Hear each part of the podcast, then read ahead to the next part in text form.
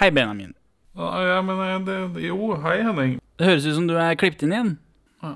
Intet samtykke, intet samleie. Perler for svin. Ha-ha. Enig. Jeg, jeg har ingenting å stille opp med her. Dette er episode to av 'Salige er de som tørster', så om du ikke har gjort det, så må du høre den første episoden først. Eh, Ikke sant, Benjamin? Død over KrF. Eh, Uansett så vil du anbefale denne filmen, og jeg gjør ikke det. Poenget er at eh, kommunikasjon er viktig. Det er jo en av uh... Det er en av taglinene til podkasten. Ja, ny Velkommen til Perversvin. Podkasten hvor kommunikasjon er viktig.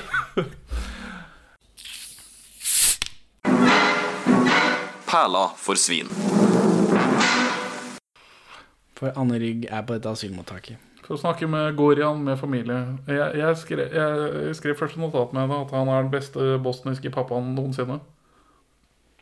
Men eh, det viser jo at han er, av, han er serbisk, og kona er mus muslim. Så det, han, altså, de er et kjærlighetsbarn på tvers av etniske linjer i det altfor delte Jugoslavia. 90-tallets altfor delte Jugoslavia. Så eh, det- jeg, jeg, jeg ble litt Jeg ble rørt av hans uh, take på papparollen. Å ja. ja. Sånn er det å være far, for, for det er kanskje Det er halvannet minutt spilletid, dette, Ja. til sammen. uh, men så kommer vel han Men det er, en, altså, det er en morsom tidskapsel, dette Serbia-muslim, at vi får det liksom forklart på en måte. For i 1997 så er dette selvsagt. Men for meg nå så måtte jeg tenke gjennom hva er, det som, hva er dette for noe. Hva er det som foregår på 90-tallet igjen? Å, ja, det er liksom folkemord og Ja, sånt. det var det greiene der. Det har vi på en måte glemt det nå. Det er bare Leo Ajcik som holder det i livet. Og denne katten her, er det jo din? Nei, det er naboen sin. Er det naboen sin katt? Ja. Vet du hva vi gjør med den? Vi tar og bare kaster den.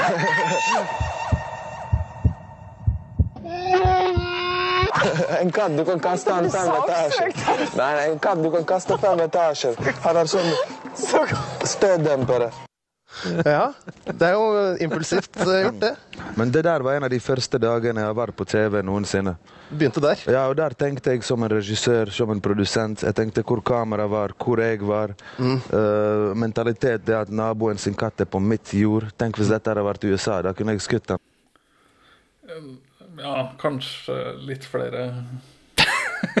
Han er en fyren som veldig nylig drakk gift. jo, han der, da. Slobodan Milosevic, han og alt dette i stund. Hva er det han sønnen heter, da? Nei, det husker jeg ikke. Gavrilo. Gavrilo Riptsjik. Hæ?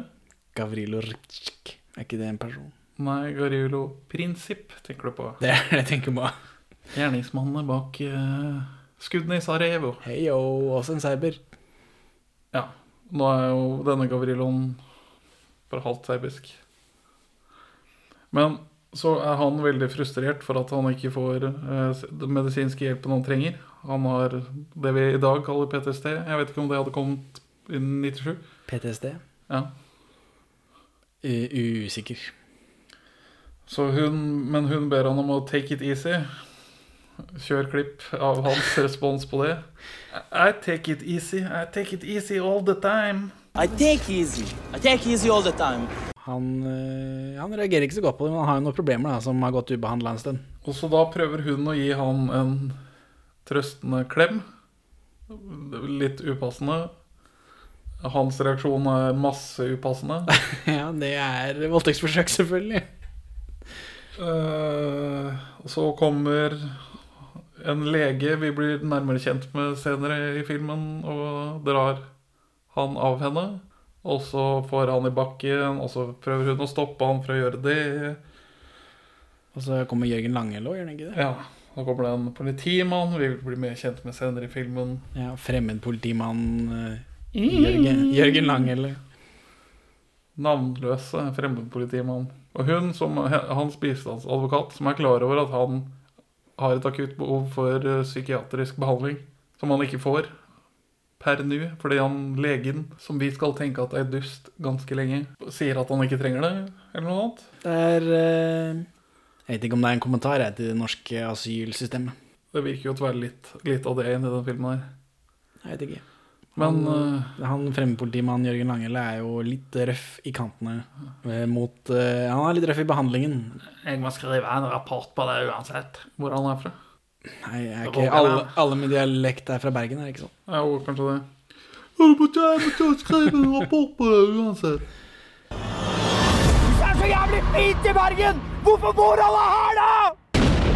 Jørgen Lande, eh, Langhelle er fra Sandnes. Men det er fra Sandnes, han var fra Rogaland. Han, han er sjokkskadet og helt fortvilt. Sånne folk kan være farlige, vet du. Hanne Wilhelmsen og kjæresten Cecilie skal ut og spise på restaurant. Ja. Og mens de går til den restauranten, så viser det seg at eh, Cecilie, samboeren til Hanne Wilhelmsen, har noen kanskje litt utdaterte holdninger til voldtekt, kanskje. Veldig uftende Og litt utdatert eh, informasjon om holdning også. Eller om, eh, om voldtekt også. hva, hva mener du med det? For hun, eh, hun sier at folk som blir voldtatt, enten er fulle eller tar med seg folk de ikke kjenner, hjem på natta. Det er vel ikke sånn vi i dag opplever den fleste voldtekten. Det er jo stort sett voldtekt av folk man kjenner. Ja, det er jo altså Var det sånn 98% av alle voldtekter så kjenner offeret gjerningsmannen? Det er jo kompisvoldtekter det går i stort sett. Det er en og annen overfallsvoldtekt, men de er langt imellom. Ja, i hvert fall når man ser på de store mørketallene. Og så er det denne victim-blaminga som Altså Ja, det, Hun sier det er litt klønete å la seg bli voldtatt. Eller hun sier 'du blir ikke voldtatt, du er ikke så klønete'. Ja, da er bare sånn eh, Skal vi hate Cecilie, eller hva? Ja, men jeg tror kanskje dette er et uttrykk av sin tid. Jeg tror ikke det er meningen at vi skal mislike henne. For hun For Selv om hun har litt sånn eh, flippent holdning til voldtekt, så var det sånn det var da på, i 97. Og, og de sier noe som er veldig eh, Det sier noe om hvor, hvor lett folk har for å Hvor gode venner de er med noen. De, de, sier noe som, som sier noe om hvor gode venner de er med folk, når de sier at ingen de kjenner har blitt voldtatt. Ja, Som at det betyr at du ikke har et spesielt tett bånd til eh, nok kvinnelige personer? Ja, her, her er det to uh, lesber da, som jeg antar henger med en del kvinner, og de kjenner ingen som har blitt voldtatt. Har de ikke kommet nært nok på noe menneske som vil åpne seg for dem? For jeg, jeg kjenner flere som har, eh, som har blitt vold, voldtatt, liksom. Jeg òg. Ja. Det, og det tror jeg alle som er hyggelige nok til at folk eh, kommer nær nok på. At de føler seg trygge nok til å fortelle om noe fælt når man først er, er hyggelig. Har delt smerte osv. Altså, Men de som henger med så mange kvinnfolk, antar jeg, er ikke hyggelige nok til at noen eh, føler tør å snakke om det noe fælt som har skjedd i livet sitt med dem. Det klart, nå er dette Ja, nei, det er jo Det kan- Det er skrevet av Anne Holt også. Hun er jo kvinne. Jeg skjønner er, ikke. men hvem er det som har manus på den, eller behandla den for film? For det er jo, det er jo noe dialog tidligere fra en mann òg, tror jeg. Eller nei, kanskje det er Hanne sjøl som sier det at Jo, det er vel Hanne. Hanne sier vel at det er så ekstra vondt med voldtektsofre, for du bare merker det på de at de skylder på seg sjøl. Ja, At de får sånn døde øyne, og det er liksom ikke måte på hvor fæle de er. Men Hæ, what? Ferdig er? eller, det er ikke måte på hvor, ja, hvor fæle hun syns de ser ut. Men det er en fyr da som har skrevet manus her, men men tror ikke, tror du ikke han holdt han liksom eh, Jeg tror ikke hun har final cut på den filmen her. Jeg vet ikke. Det er 1997. Det er ganske eh, grovt overtramp, da, hvis det ikke er noe hun har tillagt sine karakterer. Ja, nei, det, ja, det, det svekker eh, våre, det lesbiske paret vårt.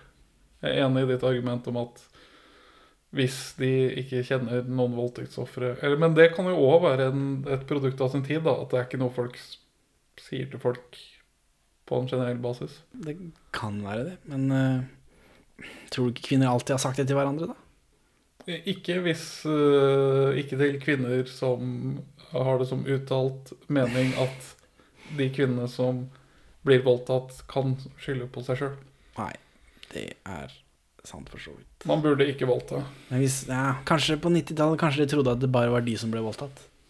Mens nå så vet vi at alle blir voldtatt hele tiden. Det er en epidemi. Hvorfor skulle hun voldta deg da? Du er jo ikke så klønete. Det har ingenting med å være klønete å gjøre, Pus. Nei, Voldtekt er stort sett jenter som ikke passer seg. Eh, men ja eh, De har den samtalen på vei til, en, eh, til Mother India, en restaurant. Ja, er det den de er på? Det var noe India-greier. Jeg, jeg var veldig nylig på Mother India. Hvis ikke det var på Shalimar, den eh, restauranten i Spøkelsesbussen. Nei, jeg tror ikke det var Ja, kanskje det var Mother India. Men jeg var der veldig nylig. Kan hende de har gjort noe mer å gjøre siden 1997. Det kan hende at de har forandra bitte lite grann.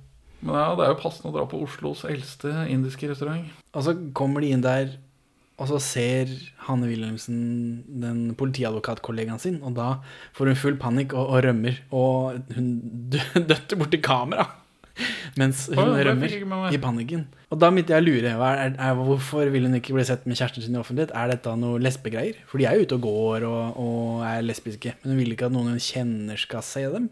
Ja, og så ble jeg sånn der, tenkte jeg på Jeg trodde den ene greia i første sekvens var noe utroskapsgreier. Har hun en mannlig partner? øh, lever et dobbeltliv? Ja, men dette er bare fordi jeg var dum og ikke forsto at i 1997 så er det litt tabu å være eh, samboer med en kvinne. Når man er, når man er politietterforsker. Nei, Hvis ikke Anne Holt øh, har valgt å gå ut av skapet ennå, så er vel kanskje norsk offentlighet for kald, konservativ og jævlig til at Når er det Brita Møystad tar batongen fra Pål Bang-Hansen?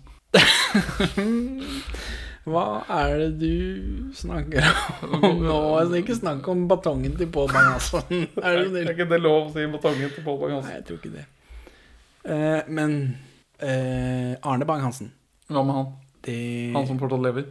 eh, Nei. Faren til Pål? Nei, nei, nei. Det er, um, han er fetteren til faren til Pål. Han er en tidlig norsk homo, og han kom ut i 1985. Oi. Så, men han var tidlig ute, da. Og, men 85 var tidlig ute, liksom. Så 97 er jo ikke så langt etter. Jeg kritiserte, kritiserte jo Forelsket 87 for at det ikke er noe Noe homoalibi. Men det kom vel ikke før etter 2000, da? Sikkert ikke når denne ekteskapsloven var i gang, da. Skal vi se. Eh, ja. Eh, Partnerskapsloven ble innført i 1993 og opphevet i 2009. Da de bare kjørte på med ekteskap. Det er jo ingen av våre venner som har blitt voldtatt. Og så er det en sånn forviklingsspøk inne på restauranten der. Var ikke det hun Hanne fra jobben din? Og så, og så da kommer det inn en eldre dame. Ja, men, men nei, var ikke det? Haha. Ja, der lo du, da. Godt og lenge.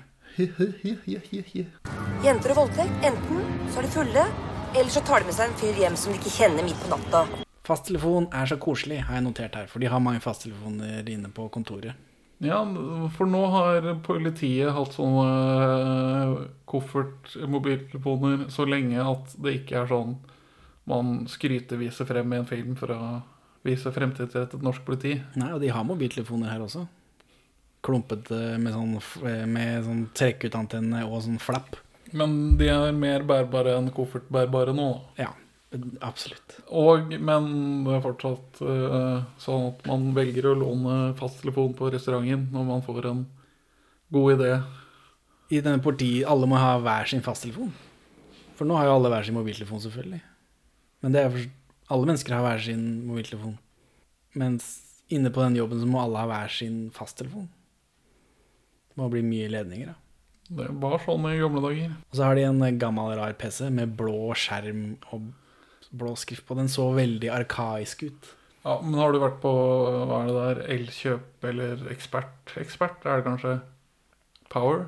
De har jo fortsatt Dette er ikke promotion, dette er ikke reklame. Nei, nei, jeg synger om ting her eh, som har hendt meg, de- de- De sitter på moderne PC-er og sånt, men med en gang de skal sjekke varelager, så må de inn i et sånt Sånn DOS-program. Ja, som blått og jævlig. Med bare masse sånne hemmelige taster for å kunne gjøre noe som helst inni der. Jeg tror Nav hadde et tilsvarende system for å regne ut stønad frem til sånn 2015 eller noe sånt. Altså et program som først ble laget på slutten av 70-tallet. Må passe seg hvis de ikke skal bli voldtatt. Er dette noe din mor har lært deg? Mora mi har lært meg å lage mat også. Jeg har aldri blitt voldtatt. Bank i bordet. Hanne lyver til Cecilie om hvorfor hun ikke vil spise på restauranten. Hun sier at hun ser en fyr hun har slengt i buret mange ganger og ikke orker det akkurat nå. Kommuniser åpent med partner. Ja, for hun Partneren vet Eller Cecilie vet vel også at Hanne er i skapet. Tydeligvis ikke, da. Veldig rart. Jeg skjønner ikke noe av det. Kanskje det hadde hjulpet om jeg hadde sett den andre serien. Men så, så krangler Hanne Wilhelmsen og Cecilie. Lesber er akkurat som oss. Ja. Det er, det er hardt å være sammen med politifolk. Som i alle andre filmer hvor man har politifolk. Og så klipper vi til Nils Ole Oftebro som spanderer mer norsk filmgråting. Så nå er jeg på tredje krysset bare på gråting. og det, det er det bonuskrysset i midten. Og så er det enda en voldtekt. Og nå med drap. Ja, ja eller vi, vi, vi, får, vi får, vel- får vel ikke se om det er noe voldtekt, da, men det er jo stilisert på samme måte. Ja, men så er det, og så er det noen smoothe kutt der sånn.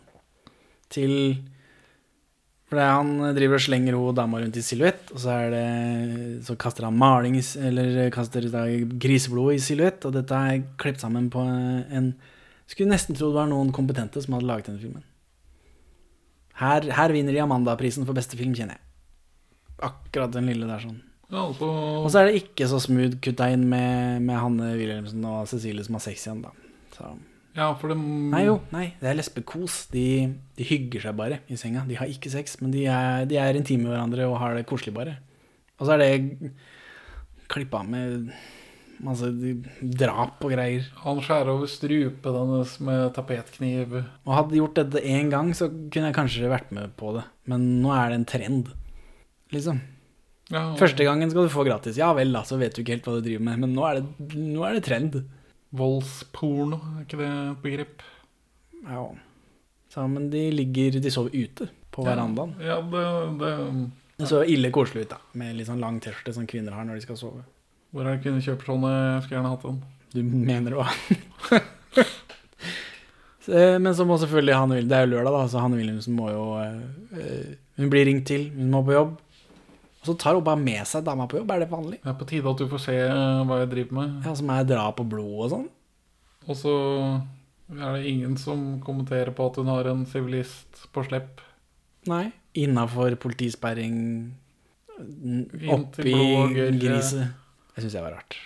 Hun eh, Cecilie er forresten eh, spilt av eh, Andrine Sæther, som er kona til Lars Lillo Stenberg. Og de prøvde å saksøke Se og Hør for brudd på privatlivets fred, men tapte i Høyesterett. Fordi ble det tatt noe um, I forbindelse med at de gifta seg, tror jeg, så lå disse Se og Hør-folka i buskene, og så syntes de var litt sånn ubehagelig. Men det er tydeligvis lov, da, sier Høyesterett. De vant i de andre instansene, riktignok. Skulle få 150 000 kroner og greier. Da kan jo Lars Lillo eh, pensjonere seg. Leve lykkelig på de Se og Hør-grunkene. Han sprengte en bombe Nei, vær så snill, da. Var du der, Her var han på den eh, konserten? Nei, var du? Ja, ja. Den teksten til den sangen der er det flaueste jeg noensinne har hørt. Ja, det var ikke bra. Så kom eh, Bruce Springsteen, da. Det var bra. Eller, han spilte ikke noen hits. Nei, men de svingdansende gamlingene ble vel fornøyd. Ja, det var mange svingdansende gamlinger der da.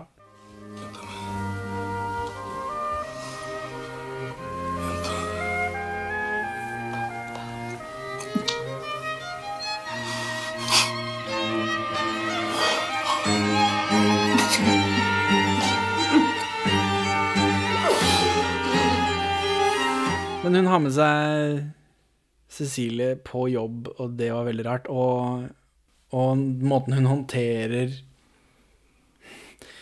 Hun har med seg sin samboer på jobb, men hun vil ikke at noen skal vite at dette er samboeren sin som hun har med på jobb. Det blir bare rarere og rarere. Hvorfor gjør hun dette?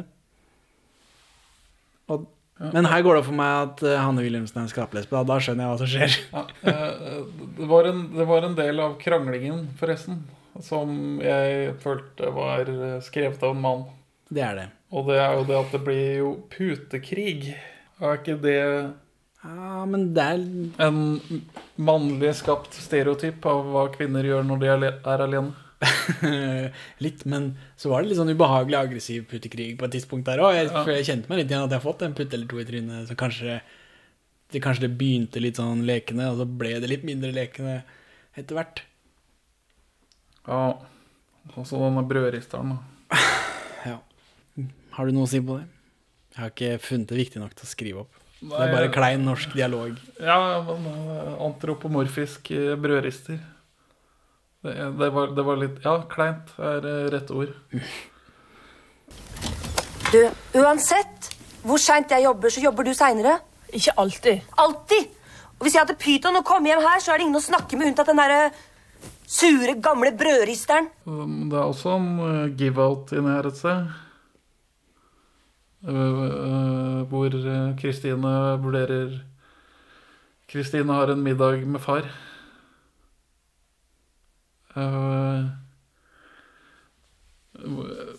Hvor han, han de, de har spist middag, og nå er det kake til dessert. Og grøvin. Som hun bare drikker på styrten. Og så spør hun om det er mer rødvin, og han bare selvsagt, kjære. Og så sender han den over bordet som om han er en western bartender. Og så tar hun med seg den og går. Og så vurderer hun selvmord i rundt 0,75 sekunder.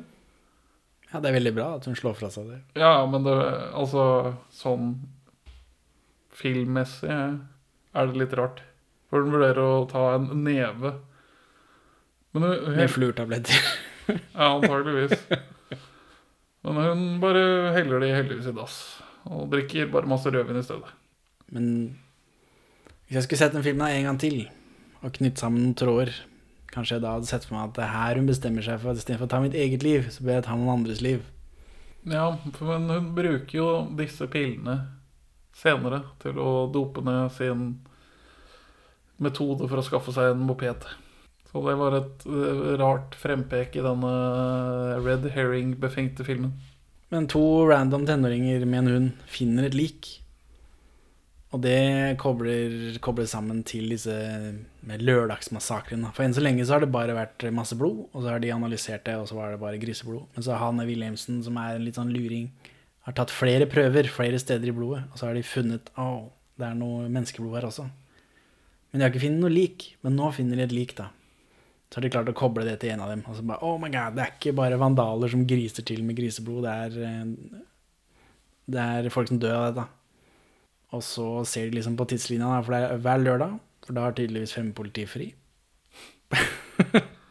Fremmedpolitiet jobber ikke helgen, nei. Nei, tydeligvis ikke. Så da er det, da er det, noe, det er noe mørdere. Da er det mord på gang. Men så er det en lørdag hvor ikke det er mord, og det er den der voldtektsnatta til Kristine. Og hvorfor, er, hvorfor var det ikke noe mord der? fordi eh, offeret var borte. Denne mystiske iranerdama som bor i etasjen over, var borte. Og da, da, for da er vi tilbake på dette politimøterommet. Eh, Rocke Bjørn Sundquist eh, lanserer en hypotese om at hvis dette er en fyr som går på anabole steroider, så blir man voldsom, voldelig og kjempekåt.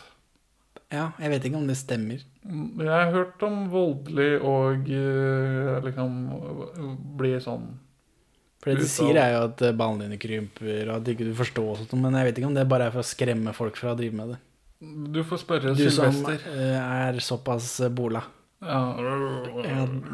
Ja. For, eh, du har jo hatt en karriere som eh, modell for Manowars covers, ja. så jeg tenkte kanskje du visste det. Jeg har dessverre ikke noe godt svar på det. Nei. Jeg ble tilbudt det på ungdomsskolen, husker jeg. Ok. Jeg hadde en fyr som eh, Som jeg gikk i klasse med på barneskolen, som begynte å ta anabole steroider på ungdomsskolen. Ja, for dere trena selvfølgelig sammen. Nei. Og så knivstakk han noen utafor kinoen i Lillestrøm. Han satt litt inne pga. det. Over helga. Ja, antageligvis. Han måtte bare voldta, liksom? Bol, hvis han bruker anabole steroider, så passer det jo helt. Da blir man kåt som en hingst. Hva vet du om det, da? Bjørn Sundquist, som har peiling på narkotika, da, sier ja, når du boler deg, så da blir du så voldelig og kåt at du bare må pøke på lørdager, tydeligvis, en gang i uka.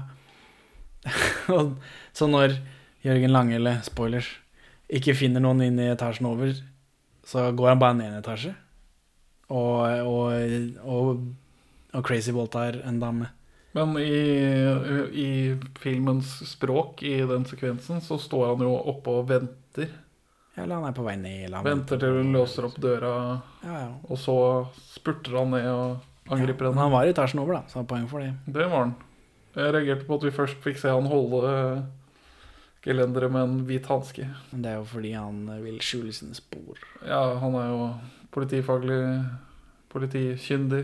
For han dreper eh, sånne asylkvinner som har blitt borte. Så han finner da saker med eh, kvinnfolk som har blitt borte, og så sporer han de opp på magisk vis, og så voldtar og dreper han dem. Og så blir de bare borte, for det er ingen som vet at de eksisterer til å begynne med. Og det virker som han tidligere også har tvunget dem de til sex. Det stemmer. Så det kan være en del av en sånn rydde opp løse tråder. Kanskje. Men også voldtar han bare Kristine fordi han går på bol, og det blir man så kåt av. Og, og politiet henlegger alle voldtekter uansett. Ja, Hanne, Hanne kommenterer at uh, han er, må være bevisst på at ung, død, hvit kvinne får så mye medieoppmerksomhet at da kanskje politiet løser saken. Mens, Ja, eller de kommer i hvert fall ikke til å henlegge den. mens en voldtekt, det bare forsvinner i papirbunken. Kan jeg høre med fetteren til Birgitte Tengs åssen det er med det. De blir ikke borte, disse unge hvite kvinnene. Eller de blir ikke henlagt. Nei. Og det, og det blir så viktig for politiet å løse saken at de ikke de har så veldig lav terskel for å ta hva som helst, da, som Thomas Quick eller fetteren til Birgitte Tengs. Gjerne bruke sånne veldig utdaterte avhørsmetoder som i ni av ti tilfeller fører til falske tilståelser. Hvor mange voldtekter henlegger vi hvert år? Hundrevis. Det er produktplassering i filmen. Jaså? Ja, Hanne har en signatur Mummikopp.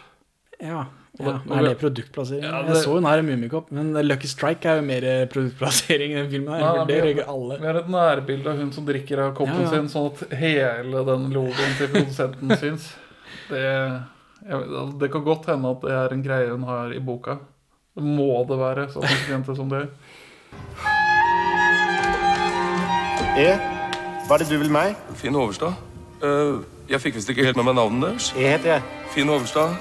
Eh, For, men mens dette foregår, så er også Nils Ole Oftebro ute og, og eh, Han er Sherlock Holmes, da, ute på, og snuser. Så han er også innom eh, i oppgangen til Kristine, til sin datter. Finner ut at Barte-Frans har fått med seg at det var biler utafor. Altså Han har funnet ut at Barte-Frans er en fyr som driver hos Er Barte-Frans? Han med papegøye. For du mener det mest fremtredende med den naboen var at han hadde bart, ikke at han har en papegøye? Han har en sånn uh... Det er du og de Hitler-greiene dine. Den gamle, rare naboen med papegøye tar imot Nils Ole og forklarer at det er mange folk som følger med i vinduene. Og det er tydeligvis hint til at det det. Nils Ole bør besøke en superraring som bor tvers over gangen. Ja, for det er ikke så Eller tydelig at han mener en spesifikk gata. person da. Nei, men det er mulig han sier det etter at kameraet har forlatt leiligheten. det er klart det er vanskelig for oss å vite når ikke kameraet er der. Så da drar Nils Ole innom eh, Hva heter den fyren som bor på andre sida av gata, eh, Benjamin? For dette er eh, Dette er Nå må jeg fram. Hvor er norsk bingokortet mitt? Norsk filmbingokortet mitt. Nei, denne naboen heter jo E. Bygdeoriginal. Krysser jeg den. Det heter Byoriginal i Oslo. Ja. um, Bygda Oslo. Vi som bor i storkommunen Viken, vi syns at Oslo er på bygda. Nei, E. Hva, Storfylke Viken. Hva kan man si om E? Altså en klassisk norsk usensitiv eh, take på autisme. Noe sånt, ja. Eller en eller annen Virker som han er en høyt fungerende funksjonshemmed. Nondescript utviklingsforstyrrelse. Ja, det er en sånn ut, eh, Kall det en eh, Du sier nondescript, jeg sier en skriptforstyrrelse.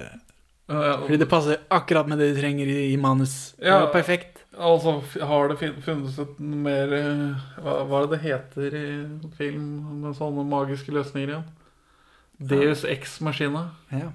Det er altså Eus ex machina. Eller dette er en eh, en, en eh, mann med script powers. Han har akkurat det Nils Olav Oftebro trenger. Ja, for han er en samler. Hva er det han samler på? Han samler på registreringsnummer eh, og på biler som står i akkurat den gata hvor eh, mordere og voldtektsmenn parkerer når de skal ha voldta folk. Det har han gjort i 12-15 år. Ja, noe sånt. Jeg har skrevet E, utropstegn, utropstegn, utropstegn, og så med større bokstav E, utropstegn, utropstegn, utropstegn. Eh, han spiller Han har hovedrollen i en film som heter 'Folk flest bor i Kina'.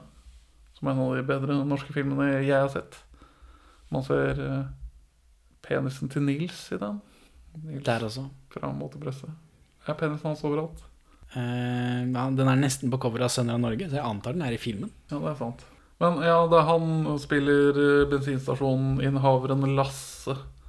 Som er eh, Bensinstasjonen hans er eh, rammeverket til de ti forskjellige kortfilmene som utgjør Ja, I Folk flest bor i Kina. Ja. Ikke her, for her Nei, nei. spiller han en raring. Men øh, ja, jeg liker han i den rollen. Så Ja. det var gøy å se han i rollen som E. Og det står bare E på døra. For det er det han heter, da.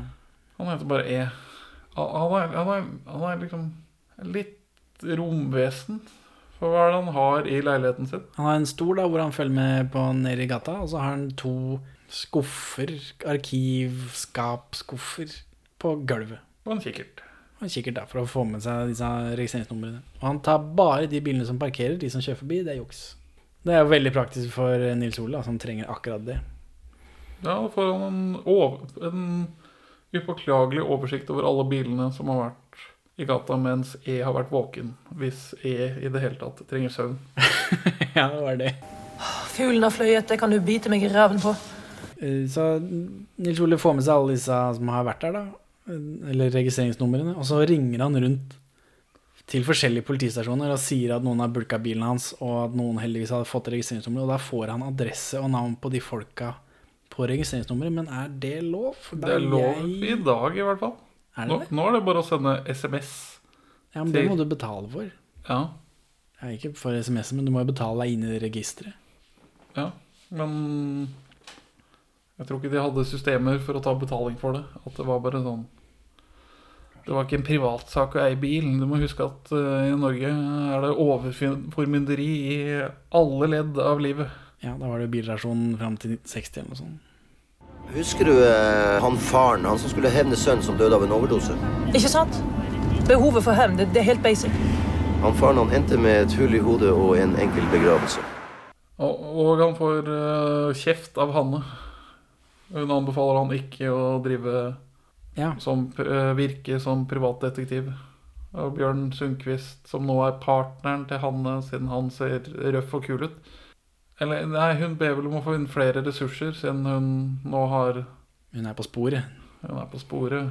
Og da kjenner han eh, til han eh, en som uh, skulle hevne sønnen sin som ja, fikk uh, tok overdose. Og det må, han fikk ut av det. Eh, Han ble knivstukket eller noe sånt. Nei, han fikk et hull i hodet og en enkel begravelse. Kjempedårlig Sundquist. Det var mye bedre i Ja, din Sundquist var ganske dårlig, men jeg syns Sundquist selv eh, han, eh, han er likende. Ja. Men det eh, kollegiale forholdet han har med Hanne Wilhelmsen, er det innafor i et profesjonelt arbeidsmiljø? Hva mener du? Ja, den om at eh, han beskylder henne for å være utro når hun ikke vil være med på fredagspilsen. Ja, for eksempel, og liksom han hinter til at de er sammen eh, sånn på en Du kan gjøre det med en venn, på en måte. Men, Men ikke foran masse andre kolleger, tenker jeg. Kanskje han eh, er det etter avtale? At han er hva et avtale? Eh, skjegget til Det er han Hanne. ikke. Han er ikke skjegget til Hanne? Nei. Greit. For, jeg, jeg, for når han Men- først joka med det der Er det ytre meg? Og så er jeg bare sånn Hæ, driver filmen og er, hun gift med Bjørn Sundquist og har et hemmelig lesbisk liv? Jeg bare Da forsto jeg det sånn som at han bare liksom, Skal du ikke være med ut på fredagspils, da? At han prøver å sånn halvveis sjekke henne opp med at de har en vennlig tone, men ikke, ikke, ikke vær sånn slesk rundt andre kolleger, da. Men han er jo fra uroavdelingen, som er, er liksom Det er norsk filmspråk for at han er en politimann som ikke spiller etter reglene. Ja, men det hjelper ikke. Det, hvor er HR-avdelingen? Hanne prøver jo å eh, få noen til å være stille etter boka i en situasjon. Og han bare skriker liksom 'hold kjeft'. på På Sundquists vis. Men han, eh, han finner også ut av at hun er lesbisk til slutt, da. Uten at han tar så tungt på det. Det var hyggelig. Ja, for hva er det han De, Det så, Han For de kjører bil sammen, og så skal han slippe av henne et stykke unna leiligheten fordi hun er så bekymra for at noen skal se denne eh, kjæresten hennes. Men så kommer hun syklende. Og så sier hun at bare en venninne eller har vært og henta et eller annet. eller noe sånt. nå. Og da sier han at du må huske at jeg er gammel spaner. Og så når han da kjører av gårde, så vinker han til henne på sykkelen. Og så vinker hun tilbake. Ja, hvem var det? Og liksom. Så han, eh, han, han skjønner det. Hvilket øre er det han har piercing i? For å gjenta koder eh, som ble fortalt på folkemunne venstre. på barneskolen. Jeg tipper venstre. Så du mener han som har eh, fire barn med fire forskjellige kvinner, er homofil? Det høres litt rart ut når du sier det. Jeg vet ikke. Han, det tar lang tid å finne ut av ting. vet du.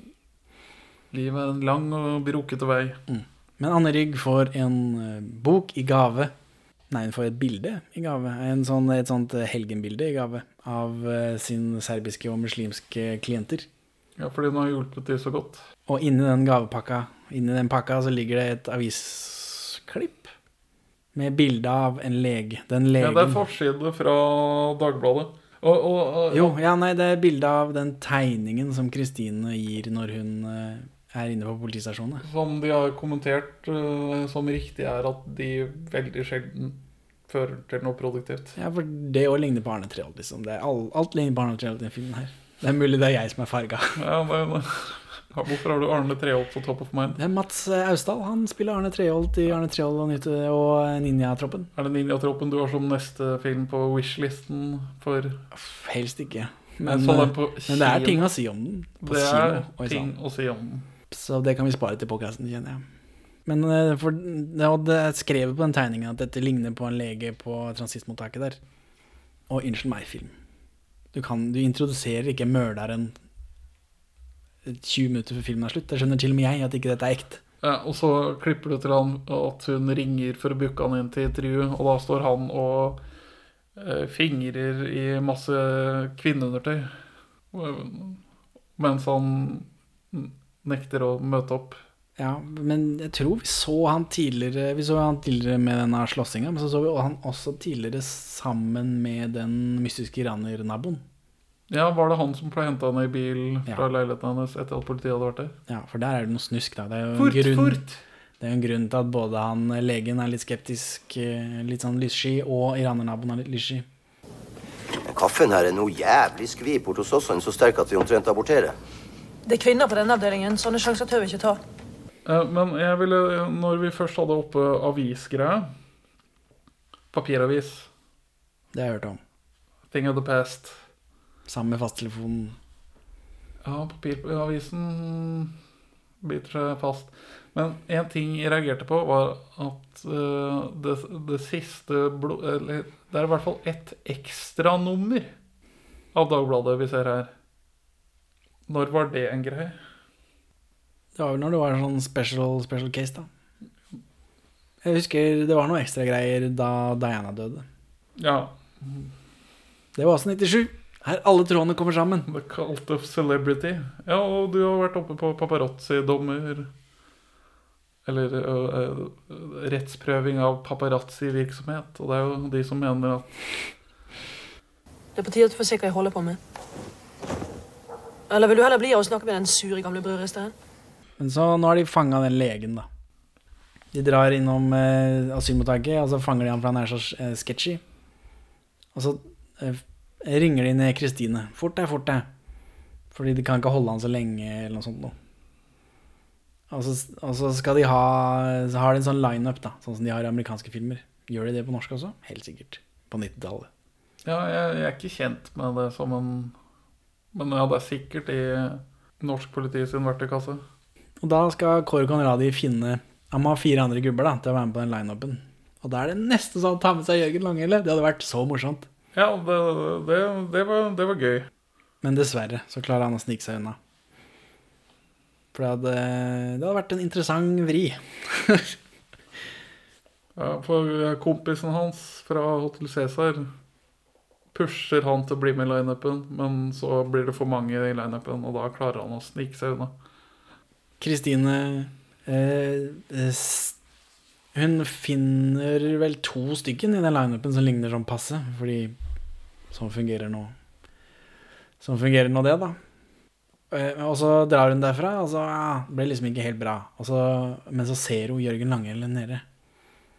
Og da ja, formulerer hun vel en plan, tydeligvis, da. Ja, for da går hun frem til kompisen hans og spør hva han heter. For han har gjort meg en tjeneste, så jeg vil sende han noen blomster. Og da får hun eh, navn og adresse til ja. Jørgen Langelle. Både hun og far er gode på sånne privatdetektiv eh, social engineering-metoder. Ja, for Nils Ole er også på sporet. Nå har han eh, en liste med fem eh, folk. Og han, eh, han stryker av lista én etter én. Vi vet det- ikke på hvilke kriterier han eh, Nei, gamle folk sikkert, eller jeg vet ikke. Han, han ene vi ser han stryker, var av eh, eldre type. Og det, det, gjør, meg, det gjør meg glad. Det, dette, dette er noe det, det er en litt sånn eh, rynke i historien. Det er noe annet enn bare en sånn straight etterforskerfilm. Ja, og uh, vi, har, vi, har, vi har fulgt Nils Ole sin utvikling. Vi, vi vet at han, dette er viktig for han. Og han har jo vært en, en myk og litt sånn pussig far, og det er vans... Hele tida så ligger det der Nils Ole Oftebro-greiene i bunn, så jeg vet hva han er kapabel til. Han Ja. har et, et enormt mørke inni seg. Dette er en tannlege med en hard, hard kjerne. Ja, ja, eller det er bare det Nils Ole-greiene. Jeg, jeg tror ikke det er meninga det skal være sånn, men sånn er det, da. Fordi han er den han er. Men så skal filmen drive og avvikle øh, mange tråder øh, parallelt. Så nå klipper vi plutselig til denne iranske kvinnen på kafé. Kebabsjappe. Kebabsjappe. For det er eh, der iranere sitter. Det vet vel du som er en fjerdedel iraner. Ja, og stor kebabtilhenger. Mm. Og nå fremstilles ikke øh, politiet som spesielt sympatiske.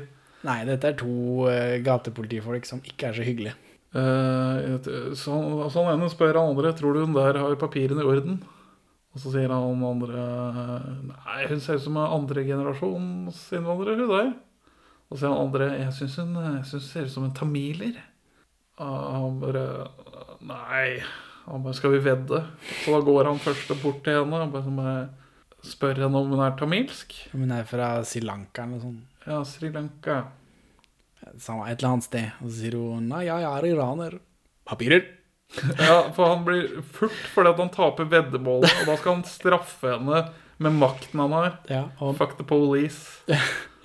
mens dette skjer, så, så bryter han legen sammen da, og kommer ut med at han er gift, men separert, og at han har et forhold til denne iranske kvinnen som sniker seg unna eh, asylmottaket. Så det er derfor han ikke har villet si noe, og derfor hun har vært litt sånn pussig. Derfor han ikke vil si noe om lørdagen, liksom. Ja, han, han henger med iranere. han er redd for å miste jobben fordi at han knepper på tidligere undersåtter. Nei, vent, et eller annet. Det er nok ikke lov. Nei. Det, går, det, det står litt dårlig til med autorisasjonen hvis hun har vært pasient, i hvert fall. ja, det er det. Da, men da hiver de seg rundt, og så får de eh, hauka inn hun eh, iraneren, da. Som allerede er hauka inn en gang, men de får hauka henne ut, bort fra disse sleskete politifolka. Og da viser det seg at Jørgen Langele har truet i seg sex med iraneren en gang før. Ja, for at hun skal få opp, opphold, så må hun ligge med han. Da, men da sier Hanne Wilhelmsen at det lover at du får opphold. Får man opphold når man blir forgrepet av UD?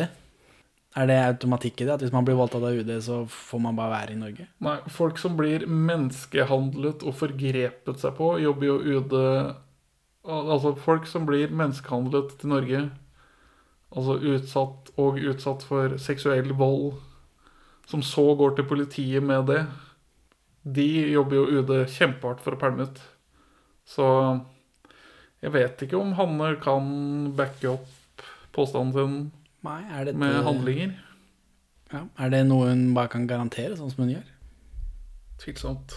Og så får vi eh, det norskeste grepet av dem alle i en film. Forviklinger. Ja. Så han heter, han skurken?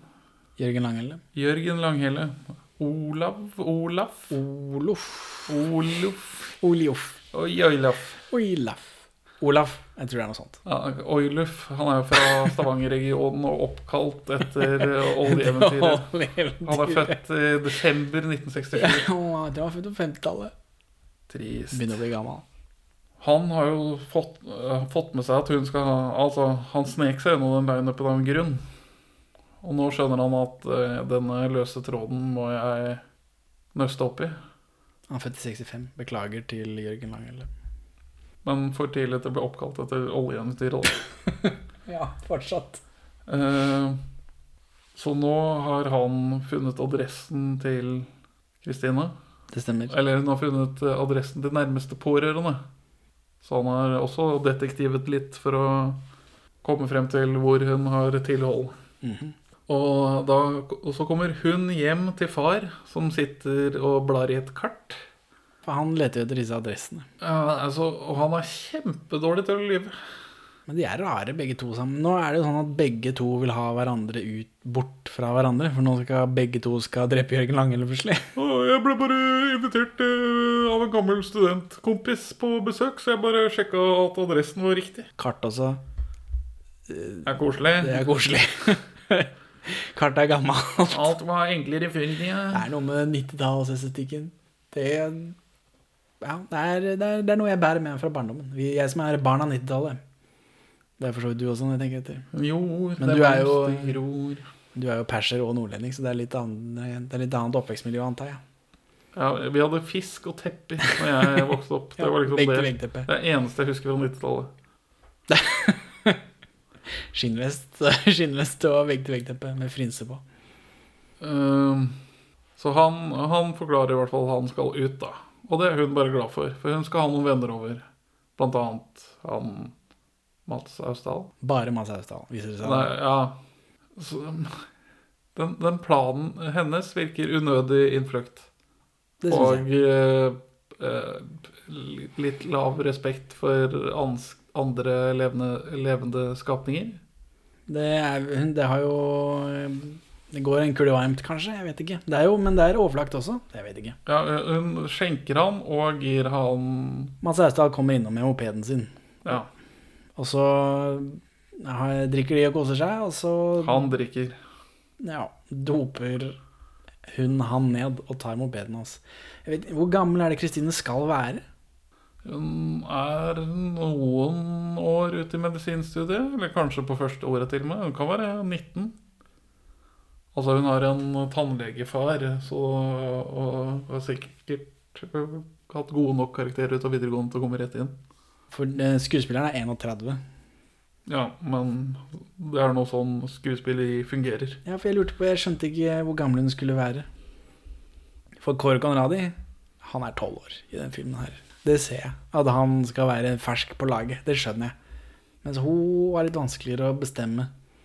For hun, hun er 31, hun ser jo ut som hun er i, til slutten av 20 år et sted da. Og det kan man jo være når man er student. Men så må hun liksom jukse til seg en moped. Jeg skjønte ikke. Kan hun ikke bare ta taxi? Ta en Uber. Lei en bil. Ja, eller- Lån bilen til fattern. Ja, han er ute. Han er ute. Nils Ole, mens Kristine gjør dette, så er Nils Ole Oftebro Han har bare ett navn igjen på lista si. Og det er Jørgen Langel. Og altså, jeg skjønner at han stoler på E sine loggføringer av biler. Ja, for han har peiling. Og så når alle de andre på lista er strøket av, så er det han siste. Jeg, eh, jeg elsker en kvinne. Ja, Det er du ikke alene om. Som ikke er min kone. Og jeg er ikke skilt ennå. Han bryter seg da inn i huset til Jørgen Langelle og sitter der og venter. Mens Jørgen Langelle er hjemme hos Nils Ole Oftebro Ja. og bryter seg inn der. Benny Hill-musikk. Og han finner da eh, Mads Austdal eh, passa ut i senga og blir veldig skuffa. Ja, han bryter seg inn via øh, balkongen. Og ja, han tar frem et ark og en penn. Så det virker som han har tenkt til å Og en sprøyte. Og en sprøyte. Så det virker som hans plan er å tvinge henne til å skrive et selvmordsbrev. Og så drepe henne. Mm, det, sånn forsto jeg også planen vår. For hun er jo veldig deprimert etter at- hun har blitt uh, voldtatt. Ærlig sak. Ærlig sak, det. Men så kommer Anne Rygg også. Ja, og, uh, hvorfor kom hun igjen, da? Jeg husker ikke. Men nå dukker det iallfall opp. Eh, Ja, og Når hun telefonen ringer mens hun driver og skjenker Mats Austdal, så trekker hun bare ut den. Agro. Ja, Det er for at ikke folk skal få tak i dem, da. Jeg vet ikke. Anne Rygg kommer innom, og da begynner hun og Jørgen Langele å slåss. Og så prøver han å kvele henne. Men da kommer selvfølgelig Gard eh, og Kåre. Kåre Conradi kommer innom. For de også er sendt inn dit. For de skal få tak i Kristine, fordi nå nærmer eh, hun eh, Hanne seg. Og da, er, da stikker Jørgen Langen lav, selvfølgelig. Og eh, Anne Rygg overlever, heldigvis. Anne Rygg er viktig for historien. Vi får jo til og med et eh, klipp eh, under rulleteksten for å bare vi ikke skal bekymre oss unødig for henne. Det, for hun er jo love interest og bistandsadvokat, og hun er jo Ja, hun er ikke bistandsadvokat når dette er over, da, men, men For hun sin egen bistandsadvokat. Har hun rett på erstatning? Ja, hun har voldsoffererstatning. Krav på det. Ja, ja. Jørgen Langel tar av for halen mellom bena og stiger hjem. Det eneste trygge stedet han vet om. Og når han kommer hjem, da, så blir han overfalt av Dils Ole Oftebro. og da er det face-off, og de slåss. Ligg helt stille! Hvis du bare snakker litt sånn Hvis du prøver deg på noe skriking, så skyter jeg. Har du noe du vil si om slåssinga her? Jeg har masse. har, vi, har vi ikke et uh, besøk hos han Ja, ja uh, eh, Anne Rygg har jo tidligere vært på besøk hos Jørgen Langhelle parallelt med at Hanne finner ut at det er han som er Ja, det stemmer det. Det stemmer det jo, fordi han Jørgen Langele skal henlegge denne saken da han serberen banker opp og nesten voldtar Anne Rygg på det asylmottaket. Så vil han bare henlegge den saken mot at Anne Rygg eh, går på middag med han. Ja. Han, han hadde tenkt til å si noe annet først, da. Før han endrer det til middag, tror jeg. Jeg tror han hadde tenkt til å Han gå i gang. han bor jo sånn, er jo veldig, veldig voldelig. Han klarer ikke å styre seg. Og, og, og Gavrilo er serbisk far og bosnisk mor, virker det som. Så jeg vil være litt forsiktig med å bare kalle han serber. Det tror jeg kan være støtende. For For Gavillos familie. Fiktive familie. Fiktive familie. Ja, det, det Beklager til Gavillos fiktive familie om jeg støtter noen. Men mens vi er på besøk hos uh, Jørgen Hangele, som Det er da vi får det trøkt i trynet, om ikke vi har gjetta det fra før av. Det gjorde Ja. iallfall jeg. Nå trekker kameraet plutselig ut til å vise oss Dun, dun, dun. Akvarium. Bam, bam, bam. Så det er dette. Dette som er morderen. Du er fra Sri Lanka, er du ikke det? Nei, jeg er fra Iran. Papirer. Nils Ole og Jørgen Langele facer off. Nils Ole har en pistol, uten at vi får vite hvor han har fått den fra. Ja, Vi så at han drev og fingra med den hjemme mens han var sånn gal i har blikket. den, men jeg vet ikke hvor har tannleger gunnere. Det virker ikke som han er så komfortabel med å bruke den. Uh, For Kristine Først har, eh, har han en pistol, og så har han et sånt man on a mission, gal i blikket-fjes. Og så har Kristine eh, hos Anne Rygg en sånn 'Jeg vet hva jeg vil. Jeg vet hva jeg vil gjøre'. Eh, øyeblikk, hvor hun også har et sånt gal, crazy woman on a mission-blikk som liksom speiler hennes far, da. Men, men, men så, ja, så ender vi jo opp med hos For vi ender opp hos Jørgen Langhelle. Nils Ole sitter, sitter der og venter. Jørgen Langhelle skjønner at uh, spillet er over, så han skal passe alle Han skal stappe alle pengene han har eh, i en bag og rømme landet. Sikkert hva en fremmedpoliti driver med. Han har noen kontakter. Ja, I sikkert- Serbia, eksempel. Han stjal noen pass fra noen flyktninger. Ja, som ligner litt på han. Han har jo mye sånn eh, Iran, eller utenlandske kvinnepass, sikkert. Liggende, siden han har drept så mange av dem. Ja, hårlokker og pass. Han virker litt som den typen. Så, men de slåss, da. Og så blir Jørgen Lange til slutt skutt i armen. Men det er et sånt par Det er et par sånne 'Nå har jeg deg', sier Nils Ole.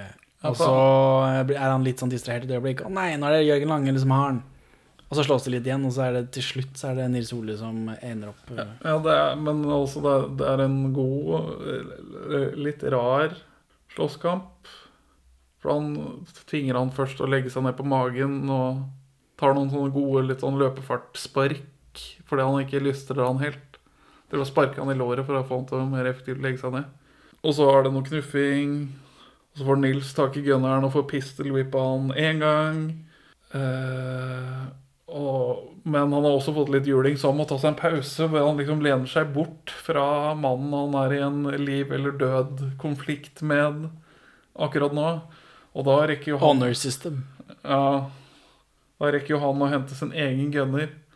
Og så skal han til Og så virker det som nå er spillet snudd her, men Nils Ole pistol whipper pistolen ut av henda på han. Dytter den, og, og så skyter han i armen gjennom en jakke, eller Ja, det er for at det ikke skulle bråke så mye, antar jeg. Og så blaster han i armen, og så, og så binder han fast stående til en stol. Ja, det var litt merkelig. Med stålvaier. Det var hevn, det var Og så sier han du må, For da er han ikke så høy i hatten lenger, han Jørgen Lange. Du må øh, gjøre noe, jeg kommer til å blø i hjel. Jeg er politimann. Må jo ringe til en lege, for faen, jeg blør jo hjel. Nils Ole setter en uh, tjukkskjerm-TV oppå den stolen. For at ikke Jørgen Lange skal gå av gårde med den. Eller er Eller kunne velte den for å komme seg ut. Men han står jo. Han kan Ja, nei, jeg vet ikke. Jeg vet ikke hva det var for noe. Han er ikke akkurat en fange på fortet. Hey, oh. du, du, du, Passepartout. Ja, altså, hadde han hatt passepartout der i backup, så hadde den slåsskampen vært mer på hans side. Ja. Men nå gikk det bra til slutt da for Nils Ole. Ja, men han forbinder armen, da, sånn at han ikke skal blø i hjel, sånn som han påstår at han holder på med. Ja, for han uh, har jo lyst til å kappe uh, testiklene av han. Eh, Jeg leste det som selve penis, men kanskje Den hele, nok, den også. hele godteposen og krembananen. Han skal, Nils Ole vil gjerne utføre en briss på Jørgen Langeli. Jeg tror ikke det er en briss han er ute etter her. Jeg tror ikke jeg skal kappe av deg hele stoltheten. Da tror jeg ikke det er Just a forhuden. Er Redd for stoltheten din? Redd at jeg skal ta kutten av. Sånn at du aldri, aldri kan gjøre noe sånt igjen.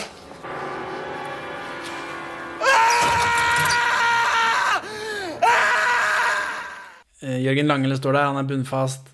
Nils Ole skjærer opp buksa sakte for å være truende, for han skal jo plage Nils Ole mest mulig. Og så går de i døra. Jørgen Langele må bli så glad for han er redda. Og så er det Kristine som også er der for å drepe han. Det syns jeg var morsomt. Eh, Nå reagerer ikke han Jørgen Langele sånn som jeg sa, men det var det jeg så for meg i hodet. At han bare Å, yes, endelig er jeg berga. Å, faen. Fra asken til ilden. Det blir bare verre og verre. Og, og da reagerer eh, Nils Ole i panikk og knivstikker han i magen. Ja, de begynner å slåss om det. Ellers ja. Fordi Kristine har kniv, og hun skal stikke ned eh, Jørgen. Og så eh, vil ikke Nils Ole det, åpenbart, fordi han vil ikke at hun skal kaste bort mer av livet sitt. Om ikke hun var ødelagt nok fra før av. Nei, det, jeg skjønner at han vil ta en for familielaget der. Og så slåss de om det, og i dette slåssinga så får Nils Ole kniven, og så kjører han den i Jørgen Langel, stakkars. Ja, men han, han har sin egen kniv, hun har sin egen kniv. Ja, det er masse og så stikker er hun han i en Det går vel av et skudd òg i bruduljene. De snakker nå om at hun også har eh, Ja, stemmer det. Det stemmer det. Hun har også mm, på henda. Men mens dette foregår, så, så er Hanne Williamson på saken. Og de, de ber om bevæpning. Ja, og- Det har jeg ikke hørt før. Nei, Det er gjerne et steg de pleier å hoppe over. ja, og hun skal også ringe, be noen om å ringe noen andre. Som jeg syns var litt sånn Ring noen for å få svar på det spørsmålet her. Og så er det sånn Har ikke dere noe tidspress? Burde ikke holde med den bevæpninga? Nei, jeg vet ikke. Ring Kalbakken, fortell hva som skjer, be om godkjenning. Si vi trenger tillatelse til bevæpning. Men uansett, Hanne er på vei. Hanne De kom jo da fem minutter for sent. Fem minutter? Og da tar de begge to, de tar både Nils Ole og Kristine i varetekt, selvfølgelig, men de klarer ikke å bevise hvem som har gjort det. For begge hevder at de har gjort det. Begge har alle de samme bevisene. Begge har fingeravtrykk på kniven. Begge har krysla på henda. Det er en av dem har gjort det, garantert, men de kan ikke bevise at noen av dem har gjort det. Ja, og det fins belegg for at de ikke har handlet sammen, siden begge har kommet hver for seg. Og... Men er det juridisk belegg for å si at det ikke er nok til å ta ut tiltale engang? Jeg mistenker La oss se på ordrer. Ja. Jeg mistenker at den saken her kommer til å bli rettsprøvd. Jeg sier ikke nødvendigvis kommer til å ende i dom, men jeg tror den blir prøvd for retten. Ja, men sånn som i, ja, i, på ord, I denne ordresaken så er jo det er tre stykker som er dømt for medvirkning, eller? Og ingen er dømt- for drapet, for de vet ikke hvem som har gjort det, eller de klarer ikke å bevise noe. Så det, hadde vi, det blir vel kanskje noe sånt, da. Det er Veronica Kristin som avfyrer de dødelige skuddene. Det er din teori. Det er For du har jo møtt Per Orderud, så du vet at han ikke er typen. Du Ja. har sett han i blikket og ser at han ikke er en eh, ice cold killer. Han er ikke typen til å vippe faren sin ut av senga for å plante et eh, garantert dødelig nakkeskudd med en 9 millimeters revolver. Hvilken størrelse har han i sokker, da? Det er egentlig viktigere. Det vet jeg ikke. Nei, ikke sant? Det er det du Men skulle han har, sjekke. vel- han har vel for store eh, Eller jeg ser for meg at han har Nei, han er kanskje en størrelse 44. For det var vel de to parene med damesko er vel i størrelse 40. Ja, det vet jeg ikke noe om. Det Da var, i burde hvert man ha det var mindre enn 40 sko for å holde på Veldig seg. viktig med en ullsokk. Det er det jeg husker. Ja, for det hadde han eh, Lars Grønnerød, rest in peace. Eh, eh, det hadde han sagt til Kristin, eller sagt ved det juleselskapet, at uh, det er viktig å, å ha på seg det, for da legger man ikke igjen fotspor. Uansett, eh, i dette bruduljene, så med med Kristine og Nils Ole og Jørgen Langerne, så går akvariet også. For det er det akvariet som blir skutt. Ja. Og da er liksom historien ved veis ende. Da har vi fått det viktigste er avklart. Hvordan går det med akvariet? Er det et bilde på uskyldighetens død? Hvem vet. Men så er det en kjapp wrap-up. Og, og det først, jeg tror dette er første gang jeg ser snus på film. Han ene snuser. Ikke, fikk jeg ikke med meg. Nei. Jeg var for opptatt med notatene mine. Ja. Og så er det Anne Grete Preus da, som synger over kreditsen. Ja, altså Det er flere atter dere tør eh, Ja, for Anne Grete Preus er også med i den. Men eh, jeg likte sangen, syns jeg. jeg syns- Det var, jeg eh, syns det ble rare greier. Men eh, jeg, jeg likte det. Sånn poetisk om situasjonen de er i, eller hva det nå Ja, altså så var det noe sånn Noen Noe klassisk musikk i bakgrunnen, eller noe sånn strykegreier. Når sola har gått ned, og du er lei deg for det du har gjort. Det var liksom det litt er sånn, sånn. det er Anne Gutte Preus, da. Får ikke gjort noe med det. Svart skrift på brostein Marmornatt uten øyne Speiler seg i døde ansikt Så, så eh, Benjamin, hvorfor eh, Jeg husker ikke om du anbefaler den engang. Vil du Ja, anbefale jeg, jeg sa ja, men jeg, jeg, Hvorfor- jeg, jeg, prøver å være tjommi med norsk film. Og den her kilte eh, nok krimgreier. eh, Altså helt greit fungerende krimgreier. Altså det blir jo litt cheesy og eh, kunstvoldtekten på starten Den brutale kunstvoldtekten på starten er kjempeubehagelig å se på. Ikke nødvendigvis av de rette årsakene. Men eh, altså de skuespillerne som spiller overbevisende, altså Hanne, Nils Ole Bjørn Sundquist. Bjørn Sundquist de Høydepunkt for meg. Ja, eh, i hvert fall med den øredobben. de, de bærer, bærer det godt nok.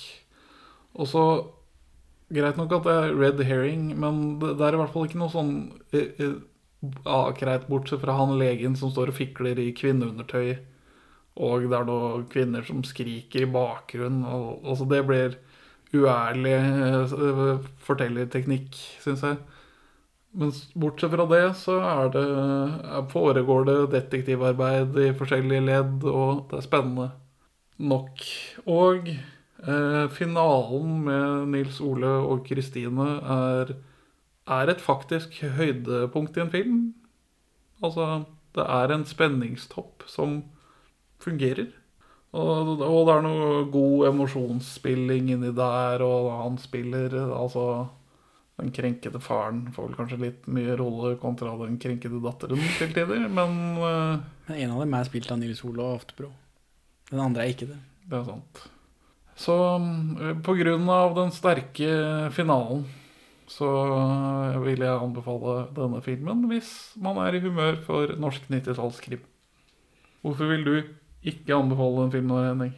Det var ikke nok gamle dager tull til å anbefale. Gamle er- dager tull? Ja, det er bare, dette er bare en middels uh, kjip krim. Hadde det vært mer sånn uh, Sånn som de der eh, Sånn som holdninger til voldtekt og sånt noe. Det var jo masse ufne holdninger til voldtekt i den Ja, filmen. det var ikke Så nok. du ha mer av det? ja, det var ikke gjennomsyret. Det var bare en og annen karakter som uh, sa litt rare ting. Det var ikke, jeg fikk ikke nok av det. Sånn som Jeg kommer tilbake til Forelsket, Forelsket 87 fordi det var så bra. Og derfor der var et sånn gamledagertull hele veien gjennom. Mens her liksom Jeg måtte Jeg må lete etter eh, fasttelefoner og, og rare datamaskiner og, og sånt noe. Og, og Nei, det var ikke nok. Det var ikke nok utdaterte holdninger. så, og da, når ikke det var nok av det, så er det, dette er bare en sånn van, helt vanlig middels kjip krim. Og det kan du se hvor som helst, hva som helst. Du må ikke se denne. Altså, Hva annet er det du vil klassifisere som middels kjip krim av norsk krimfilm? Mange- Veum, eh, har du sett noen av de? Ikke sett noen av de jeg sparer til podkasten, men garantert eh, 70% av Varg VM, om ikke mer. For jeg, jeg, altså, jeg vil, jeg, vil, jeg vil Jeg, som var eh, underholdt av den filmen her Jeg gledet meg i hvert fall til å snakke om den. Jeg tror den er over middels. Og Derfor vil jeg anbefale den til de som er i humør for norsk 90-tallskrim. Hvor mange norske krimfilmer har du sett, da? Siden du uttaler deg nå at denne filmen er over middels. har du sett mange Varg Veum? Død på Død på ja. Død på er over middels. Der er det masse 90-tallstull hele veien. Alt er helt bananas. Er den, er den fra tidlig 90? Er ikke den fra sen 80? Det er 1990. Har Det, den, er, har den ja, det teller som sen 80 Bjørn i min bok. Fille Fil- Svein og Filla. Det er barn på heroin. Det er, det er liksom Og plutselig så er det en sånn Den, den eneste Den eneste med utenlandsk eh, bakgrunn i hele Oslo kan karate. Og, og, han, og han bare giver seg inn i noe karateslåssing helt uh, uoppfordret. Ja, nei, Døden på Oslo S, eh, der er det nok 90-talls-bias. den kan jeg anbefale uten at vi har sett den på podkasten ennå. Så vi er blitt en sånn eh, gammeldags bias-podkast, er det det du prøver å si? Nei, nei, nei. Denne filmen kunne fint vært eh, underholdende i tillegg. Eller bare underholdende, uten gammeldags tull. Så den skulle fått godkjent hvis det var eh, en, en, en god film. Men det er det ikke. Og når det da ikke er tull nok, så da holder det ikke. Sorry, Mac. Ha det bra, Benjamin. Ha det bra, Henning. Takk for at du hører på Perler for svin. Du finner oss først og fremst på perleforsvin.no, men også på Twitter under perler-for-svin, Facebook som perleforsvinpod, eller du kan maile oss på perleforsvinpod at gmail.com. Gi oss gjerne en eh, rating i din lokale podcast-avspiller, og, og legg igjen en beskrivelse, så folk skjønner hva det er for noe tull vi egentlig driver med. Her er ukas Pål Bang-Hansen-sitat ute av kontekst. En kjent amerikansk produsent ga en gang følgende oppskrift på hvordan en film skal konstrueres. Start med et vulkanutbrudd og bygg deg videre oppover mot klimaks. Døden er en gammel snekker, og han kan sitt fag. Aldri har han skoftet noen time eller dag. Jobber trofast i mitt hjerte like til det siste hammerslag er slått, og han er ferdig med min kiste. Dårlig timing, Erik. Typen av til Anne Rigg ligner på en blanding av Oluf fra The Julekalender og han Olaf. Olaf. Ja, for jeg tenkte på det. Oluf, er ikke det han nordlendingen? Ja, men det er sikkert nord trønderen heter sikkert. Ja. En gang til. Typen liggepartneren til Anne Rigg. Hotell-liggepartneren til Anne Rigg ligner på en blanding av Oluf fra The Julekalender Olaf. Ol... Nei!